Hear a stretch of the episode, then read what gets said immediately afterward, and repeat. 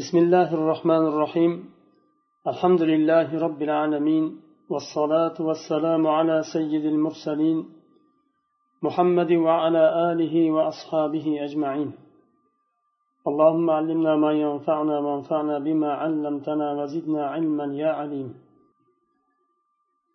تفسير درسمز تكاثر سورة تكاثر سورة مكي سورة لردن بولب oyatining adadi sakkiz oyatdan iboratdir. Alloh taolo bu surada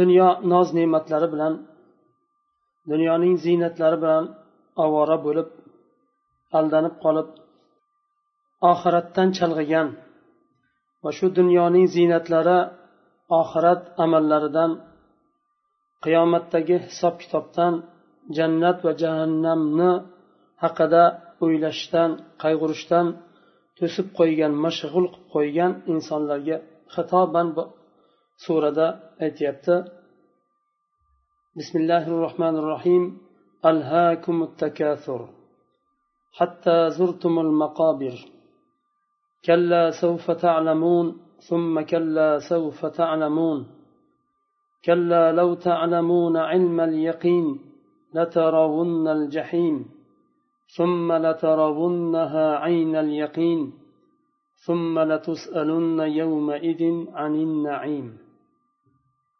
ألهاكم التكاثر الله تعالى aytyapti sizlarni dunyo dunyo bilan ovora bo'lish dunyoni ko'paytirish farzandlarni ko'paytirish va shular bilan faxrlanish dunyoni ziynatlari bilan ovvora bo'lib qolish oxirat ishidan allohni toatidan mashg'ul qildi. Hatto zurtumul maqobir hatto sizlar qabrlaringga qabrlarga kirganlaringcha. Imom buxoriy tahrij qilgan hadisda rasululloh sollallohu alayhi vasallam shunday deydilar.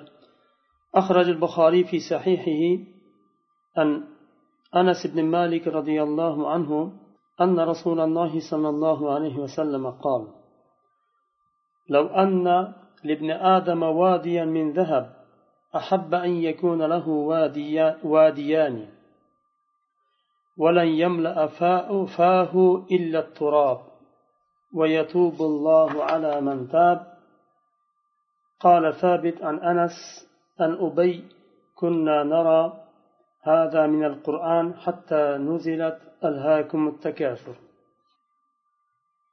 رسول الله صلى الله عليه وسلم aytadilar anas ibn malik roziyallohu anhu rivoyat qilgan hadisda agar odam farzandini bir vodiy oltini bo'lsa ikkinchi vodiyni ham umid qiladi uning og'zini faqatgina tuproq to'yg'izadi deydilar. Alloh taolo tavba qiluvchini tavbasini qabul qiladi. Demak inson insoniyat tabiati bashariyatning tabiati dunyoga moyil qilib yaratilgan. Bu moyillikni chegaralashlik uchun alloh taolo payg'ambarlar yubordi. Va payg'ambarlar orqali o'zini yo'lini tanitdi va jannat jahannamni haqida bildirdi. Hatto inson qiyomat borligini jannat va jahannam borligini bilishi uchun va bu dunyoda yaralishdan maqsadini bilish uchun. Bu dunyoda imtihon dunyosi ekanini vaqtinchalik o'tkinchi bir dunyo ekanini bildiradigan payg'ambarlar yubordi. Inson oxiratini o'ylashi bilan o'limni o'ylashi bilan va qiyomatdagi hisob kitobni o'ylashi bilan va jannat jahannam bor ekanini bilishi bilan insonni qalbida dunyoga bo'lgan moyillik ozayadi. Oxiratga bo'lgan moyilligi kuchayadi iymoniga yarasha. Alloh taolo tavba qilganni tavbasini qabul qiladi dedilar. Chunki inson har qancha dunyoga moyil bo'lib allohdan uzoqlashgan bo'lsa ham allohni tavba eshigi ochiq qachon tavba qilsa allohga qaytsa alloh uni tavbasini qabul qiladi. Sabit roziyallohu anhu anasdan rivoyat qiladilar. Anas ubay roziyallohu anhudan rivoyat qiladilar. Biz buni qur'ondan bir oyat deb bilardik. To al takasur surasi nozil bo'lgunicha.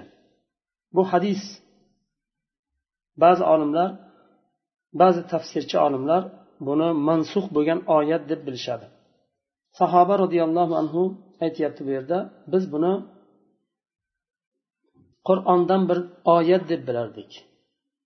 Al takasur oyati surasi nozil bo'lguncha deydilar demak bu hadis ya'ni qur'ondan bir oyat emas sahih muslimda abu hurayra roziyallohu anhu rivoyat qiladilar قال رسول الله صلى الله عليه وسلم يقول العبد يقول العبد مالي مالي وإنما له من ماله ثلاث ما أكل فأفنى أو لبس فأبلى أو تصدق فأقنى وما سوى ذلك فذاهب وتاركه للناس رسول الله صلى الله عليه وسلم aytadilar banda molim molim deydi uni molidan faqatgina uchtasi uniki bo'ladi xolos Nimaniki yeb tugatgan bo'lsa uni moli tamom yeb tugat. Nimaniki kiyib eskirtirgan bo'lsa va nimani sadaqa qilib oxirati uchun qozongan bo'lsa shu uning moli. Qolgani bo'lsa orqasida qoladigan moli uniki emas. Qoladi o'zidan keyingilarga qoladi sahihaynda keladi buxoriy muslimda va imom ahmadni musnatda ham keladi anas roziyallohu anhudan rivoyat qilinadi bu hadis rasululloh sollallohu alayhi vasallam shunday deydilar يهرم ابن آدم وتبقى منه اثنتان الحرص والأمل odam farzandi qariydi lekin ish ikkita narsa qarimasdan qoladi odamdan. Hirs harislik va orzu umidi. Harislik va orzu umidi qarimagan holda qoladi sizlarni dunyo mashg'ul qilib qo'ydi. Allohni ibodatidan oxirat uchun zarur bo'lgan foydali bo'lgan amallardan dunyo sizlarni mashg'ul qildi. Hatto zurtumul maqobir shu mashg'ul bo'lishda qoldinglar to o'lim kelgunicha qabrga kirganlaringcha maqobir maqbara yoinki maqburani jami. Qubur bo'lsa qabrni jami. Alloh taolo bu yerda o'lim kelgunicha to qabrga kirganlaringcha sizlarni dunyo dunyoning ziynatlari allohni zikridan toatidan mashg'ul qildi sizlarni. Deb o'limni ham eslatilyapti bu yerda. Sunnatda keladi rasululloh sollallohu alayhi vasallam o'limni eslashlik ko'p eslashlik va qabrlarni ziyorat qilishlikka buyurganlar dunyoga bo'lgan qalbdagi moyillik ozayishi uchun oxiratga bo'lgan insonni g'ami kuchayishligi uchun shuni buyurganlar. Imom muslim tahrij qilgan hadisda abu hurayra roziyallohu anhu aytadilar زار النبي صلى الله عليه وسلم قبر أمه. فبكى وأبكى من حوله. فقال صلى الله عليه وسلم استأذنت ربي في أن أستغفر لها فلم يؤذن لي. واستأذنته في, أن أزور قبرها فأذن لي. فزوروا القبور فإنها تذكركم الموت. abu hurayra roziyallohu anhu aytadilar rasululloh sollallohu alayhi vasallam onalarining qabrini ziyorat qildilar. Va yig'ladilar. Va atroflaridagi hammani yig'latdilar.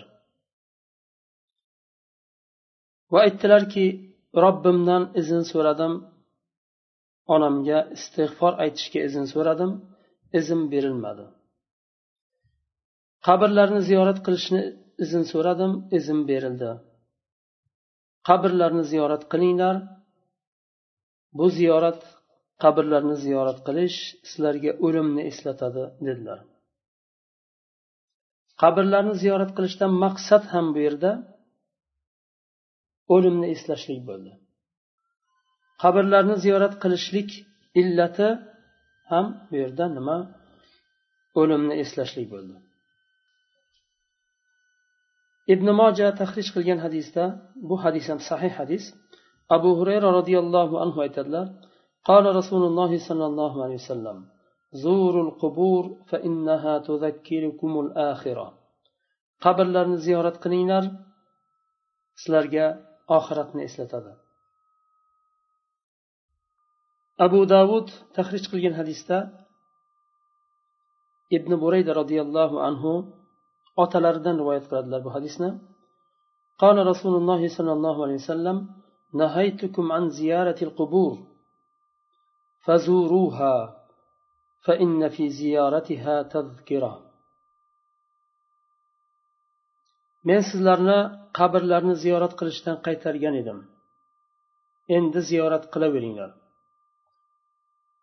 qabrlarni ziyorat qilish sizlarga eslatadi ya'ni o'limni eslatadi oxiratni eslatadi. Bu yerda olimlarni o'rtasida qabrlarni ziyorat qilishda ba'zi ixtilof bo'lgan ayollarga ham xosmi bu yo erkaklar ayollarga ham ya'ni ayol erkakka hammaga birmi bu hadis izn berishligi yo erkaklarni o'ziga xosmi? Chunki la'ana rasululloh sollallohu alayhi vasallam zavvarotil qubur ibn moja tahrij qilgan hadisda abu hurayra roziyallohu anhu rivoyat qiladi bu hadisni. Rasululloh sollallohu alayhi vasallam qabrlarni ko'p ziyorat qiladigan xotinlarni la'natladilar degan hadislari bor. Buni ba'zi olimlar izn berdim deganlarida erkaklarga xos deganlar.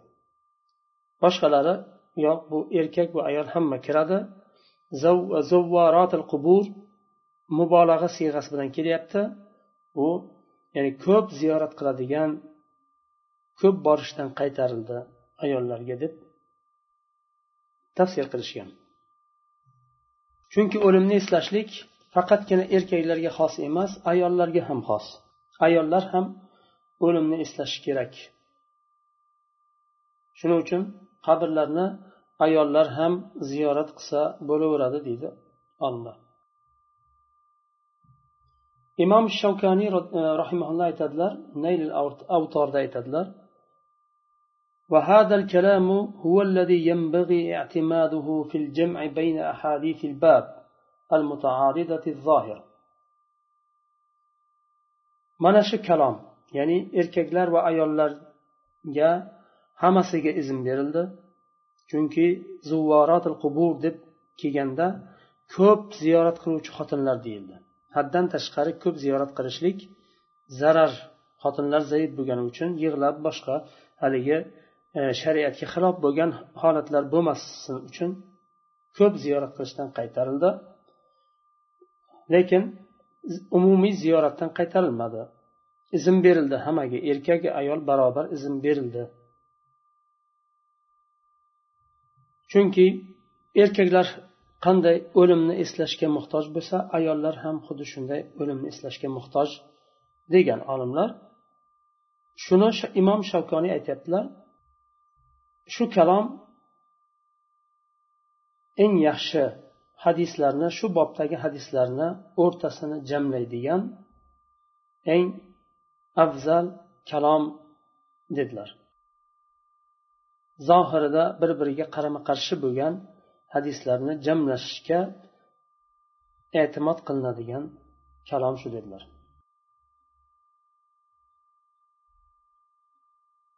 Chunki ibrat olish uchun qabrni ziyorat qilganda inson eng afzal ibratni oladi.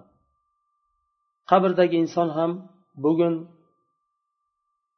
ziyoratchi kabi qachondir tirik edi. Ziyorat qiluvchi o'ylaydi tasavvur qiladi. Bir kun o'zini ham holi o'sha yerda bo'lishini biladi tushunadi. Va shuningdek joni chiqadigan vaqtda ham insonni jon beradigan insonni yonida turish ham xuddi shunday ibrat olinadigan eng afzal o'rinlardan deydilar. Ba'zi olimlar aytadilar kim qalbini muolaja qilaman desa va allohni toatiga buraman qalbni desa lazzatlarni sindiruvchi parchalovchi o'limni ko'proq eslasin deydilar ibn moja tahrij qilgan hadisda va imom termiziy rahimahulloh tahrij qilgan hadisda abu hurayra roziyallohu anhu rivoyat qiladilar قال رسول الله صلى الله عليه وسلم أكثروا هادم اللذات ya'ni al mavt lazzatlarni parchalovchi o'limni zikrini ko'paytiringlar ko'p zikr qilinglar. كلا سوف تعلمون ثم كلا سوف تعلمون حسن البصيري رحمه الله تعالى هذا وعيد بعد وعيد آيات اكي مرتا تكرر كلا bunday emas. Ya'ni ular o'ylagandek emas. Dunyo bilan ovora bo'lindi. Allohni toatidan zikridan oxirati uchun muhim bo'lgan amallardan mashg'ul bo'lib qoldi dunyo bilan. Va shunday o'tib ketaverilmaydi endi. ta'lamun hali biladilar. Tezda yaqinda biladilar. Yana shu oyat takrorlanyapti hali yaqinda biladilar deb buni hasan rahimaulloh aytadilar هذا وعيد بعد وعيد vaiddan keyin vaid bundan murod buni dunyo bilan mashg'ul bo'lishdan qaytarishlik nazarda tutilyapti qolmanglar bu hollaringda sizlar o'ylagandek emas. Hali yaqinda sizlar bilasizlar bu buni natijasini. Ovora bo'lib qolmanglar degan mazmunda qaytarilyapti va tashdid qilinyapti bu yerda tanbeh berilyapti.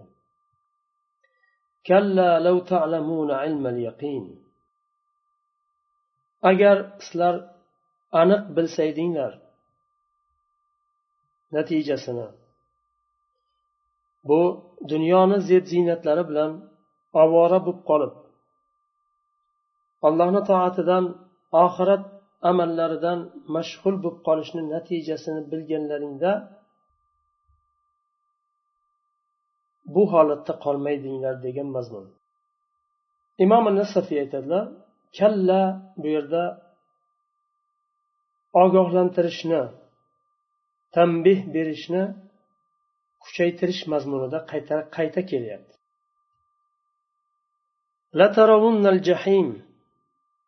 Ya'ni oxiratda jahannamni ko'rasizlar. Agar yuqoridagi oyatga bog'liq bu ham agar sizlar aniq bilsaydinglar oqibati natijasi nima bo'lishini aniq bilsaydinglar bu holatlaringda bu hollaringda qolmaydinglar bu mashg'ul bo'lgan holda degan javob mahzuf bo'lyapti.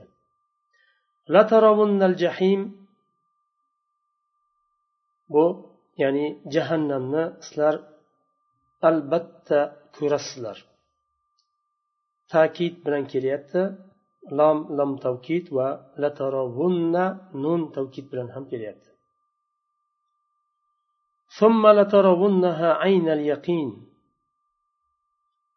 Va yuqorida o'tganidek bu ham yana oyat takror bo'lib keldi. Bu narsani aniq ekanligini bildirish uchun va muhim ekanligini bildirish uchun va xatarli bir holat ekanini bildirish uchun oyat qaytadan keldi.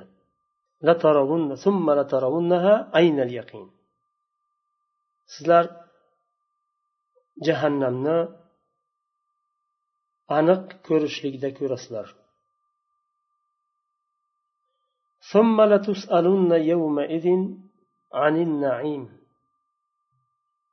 Undan keyin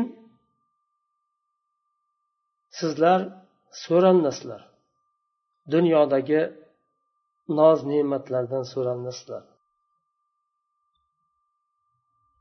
Oxirat amallaridan mashg'ul qilib qo'ygan allohni toatidan mashg'ul qilgan ne'matlardan so'ralmasizlar ibn abbos roziyallohu anhu aytadilar anin naim ya'ni ne'matlardan so'ralmaslar deganda ne'matlar nima? Badandagi sog'lomlik tandagi sog'lomlik bu ne'mat. Quloq ko'z bu ne'mat. Alloh tarafdan berilgan bu jismdagi sog'lik va ofiyat tinchlik salomatlik bular hammasi alloh tarafdan berilgan ne'matlar bular buni alloh taolo qiyomatda so'raydi shukrini qildingmi deb so'raydi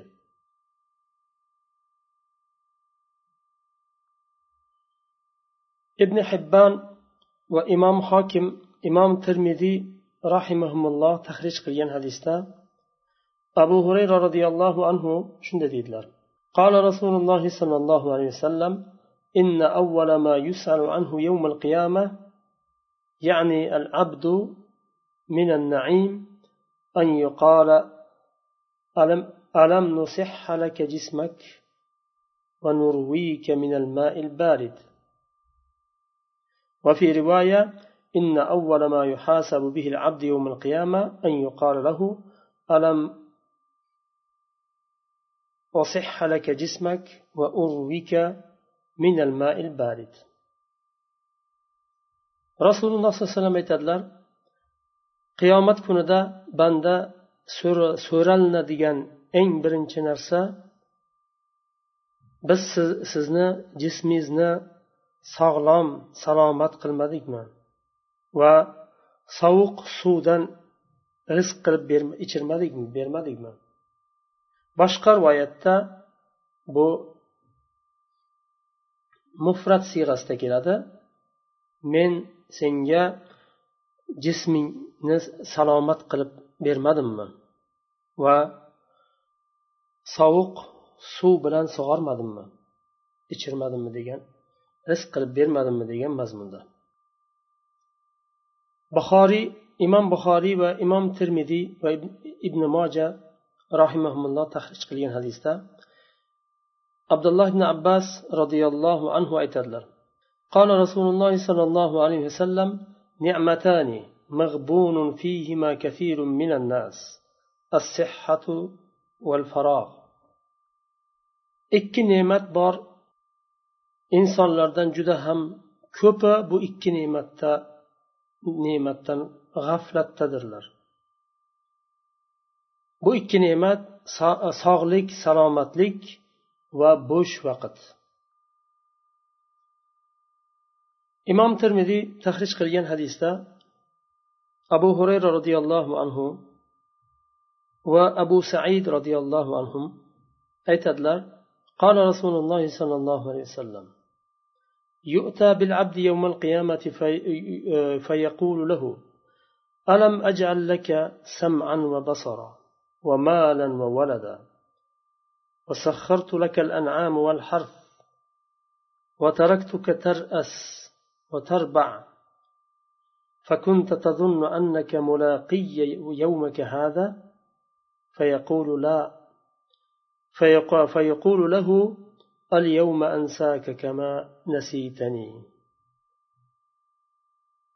rasululloh sollallohu alayhi vasallam aytadilar qiyomat kunida bandani keltiriladi va alloh taolo aytadi men senga quloq va ko'z qilmadimmi yaratmadimmi va mol va farzandlar rizq qilib bermadimmi va hayvonlarni senga va ekinlarni senga musahhar qilmadimmi sen bu yaratilingan narsalarda amirlik qilding ya'ni boshqarding oilani farzandlarni moli mulkini va foydalanding moli dunyodan foydalanding فكنت تظن أنك ملاقي يومك هذا bugun menga yo'liqishingni bilardingmi? O'ylardingmi? deganda banda yo'q deydi. Shunda alloh taolo aytadi al yawma ansaka kama nasitani. Dunyoda meni qanday unutgan bo'lsang menga yo'liqishni men ham bugun seni unutdim. Imom muslim tahrij qilgan hadislar bu hadislarni hammasi sahih hadislar. Yuqorida o'qilgan hadislarni hammasi sahih hadislar berilgan. Abu hurayra roziyallohu anhu aytadilar خرج رسول الله صلى الله عليه وسلم ذات يوم أو ليلة فإذا هو بأبي بكر وعمر فقال ما أخرجكما من بيوتكم وهذه الساعة قال الجوع يا رسول الله قال وأنا والذي نفسي بيده لأخرجني الذي أخرجت أخرجكما. قوموا فقوموا فقاموا معه فأتى رجلا من الأنصار فإذا هو ليس في بيته. فلما رأته المرأة قالت مرحبا وأهلا. فقال لها رسول الله صلى الله عليه وسلم أين فلان؟ قالت ذهب يستعذب لنا من الماء. إذ جاء الأنصاري فنظر إلى رسول الله صلى الله عليه وسلم وصاحبيه ثم قال الحمد لله ما أحد اليوم أكرم أضيافا مني. قال فانطلق فجاءهم بعذق فيه بسر وتمر ورطب فقال كلوا من هذه. وأخذ وأخذ المدية فقال له رسول الله صلى الله عليه وسلم إياك والحلوب. فذبح لهم فأكلوا من الشاة ومن ذلك العذق وشربوا. فلما أن شبعوا ورووا قال رسول الله صلى الله عليه وسلم لأبي بكر وعمر والذي نفسي بيده لتسألن عن هذا النعيم يوم القيامة. أخرجكم من بيوتكم الجوع ثم لم ترجعوا إلى حتى أصابكم هذا النعيم. abu hurayra roziyallohu anhu aytadilar rasululloh sollallohu alayhi vasallam bir kun yo bir kechada uylaridan chiqdilar va abu bakr bilan umarni ko'rdilar. Va so'radilar bu soatda sizlarni nima chiqardi uylaringdan? Abu bakr bilan umar aytdilar roziyallohu anhum ju ochlik chiqardi ya rasululloh dedilar. Shunda rasululloh sallallohu alayhi vasallam aytdilar meni ruhim uni qo'lida bo'lgan zotga qasamki meni ham sizlarni chiqargan narsa meni ham chiqardi dedilar. Yuringlar dedilar. Rasululloh alayhi bilan birga yurdilar. Ansoriylardan bir kishini uyiga keldilar. U kishi ansoriy uylarida emas edi. Ayollari uyda edi. Ayollari rasululloh alayhivasallamni ko'rib marhaban va ahlan dedilar. Xush keldinglar dedilar. Va rasululloh alayhivasallam ansoriyni so'radilar falonchi qayerda? U kishi aytdilar bizga suv keltirish uchun ketdi. Ansoriy keldi. Rasululloh sollallohu alayhi vasallamni va ikkala sohibini abu bakr va umarni ko'rib alhamdulillah dedi dedilar. Va aytdilarki bugun mendan ko'ra mehmon jihatidan mukarram bo'lgan inson yo'q dedilar. Chunki allohni rasuli va ummatni eng buyuklaridan ikkitasi abu bakr va umar u kishini uyida mehmon. Ansoriy borib xurmo daraxtidan bir shoxini uzib keldilar. Ya'ni xurmosi eng ko'p bo'lgan to'plangan bir shoxni sindirib keldilar. Va uni ichida pishgani hali pishmagani hammasi bor edi. Va mana shundan yeb turinglar dedilar. Va pichoqni olib chiqdilar. Qo'y so'yish uchun chiqdilar. Shunda rasululloh alayhi vasallam aytdilarki sut beradigandan ehtiyot bo'ling. Ya'ni sut beradiganni so'yib qo'ymang dedilar. So'ymang dedilar. Ansoriy qo'y so'ydilar va pishirib ketirdilar. Rasululloh sollallohu alayhi vasallam va abu bakr umar roziyallohu anhu xurmadan yedilar va qo'yni go'shtidan yedilar pishirilgan va suvdan ichdilar. To'yganlaridan keyin rasululloh sollallohu alayhi vasallam aytdilarki abu bakr va umarga aytdilar ruhim qo'lida bo'lgan zotga qasamki qiyomatda mana shu ne'matdan so'ralmaslar dedilar. Qasam bilan aytdilar. Sizlarni uylaringdan ochlik chiqardi va qaytmadinglar uylaringga to mana shu ne'mat sizlarga yetmaguncha alloh taolo qaytarmadi sizlarni uylaringga demak agar bir bir marta qornini to'yg'azgani so'ralinadigan bo'lsa insoniyatga qancha ne'mat beriladi bu dunyoda? Qancha narsadan so'ralinadi inson? Alloh taolo bu darslardan ibrat oladigan qilsin. Zikridan uzoq qilmasin dunyo bilan mashg'ul qilmasin. سبحانك اللهم وبحمدك أشهد أن لا إله إلا أنت أستغفرك وأتوب إليك.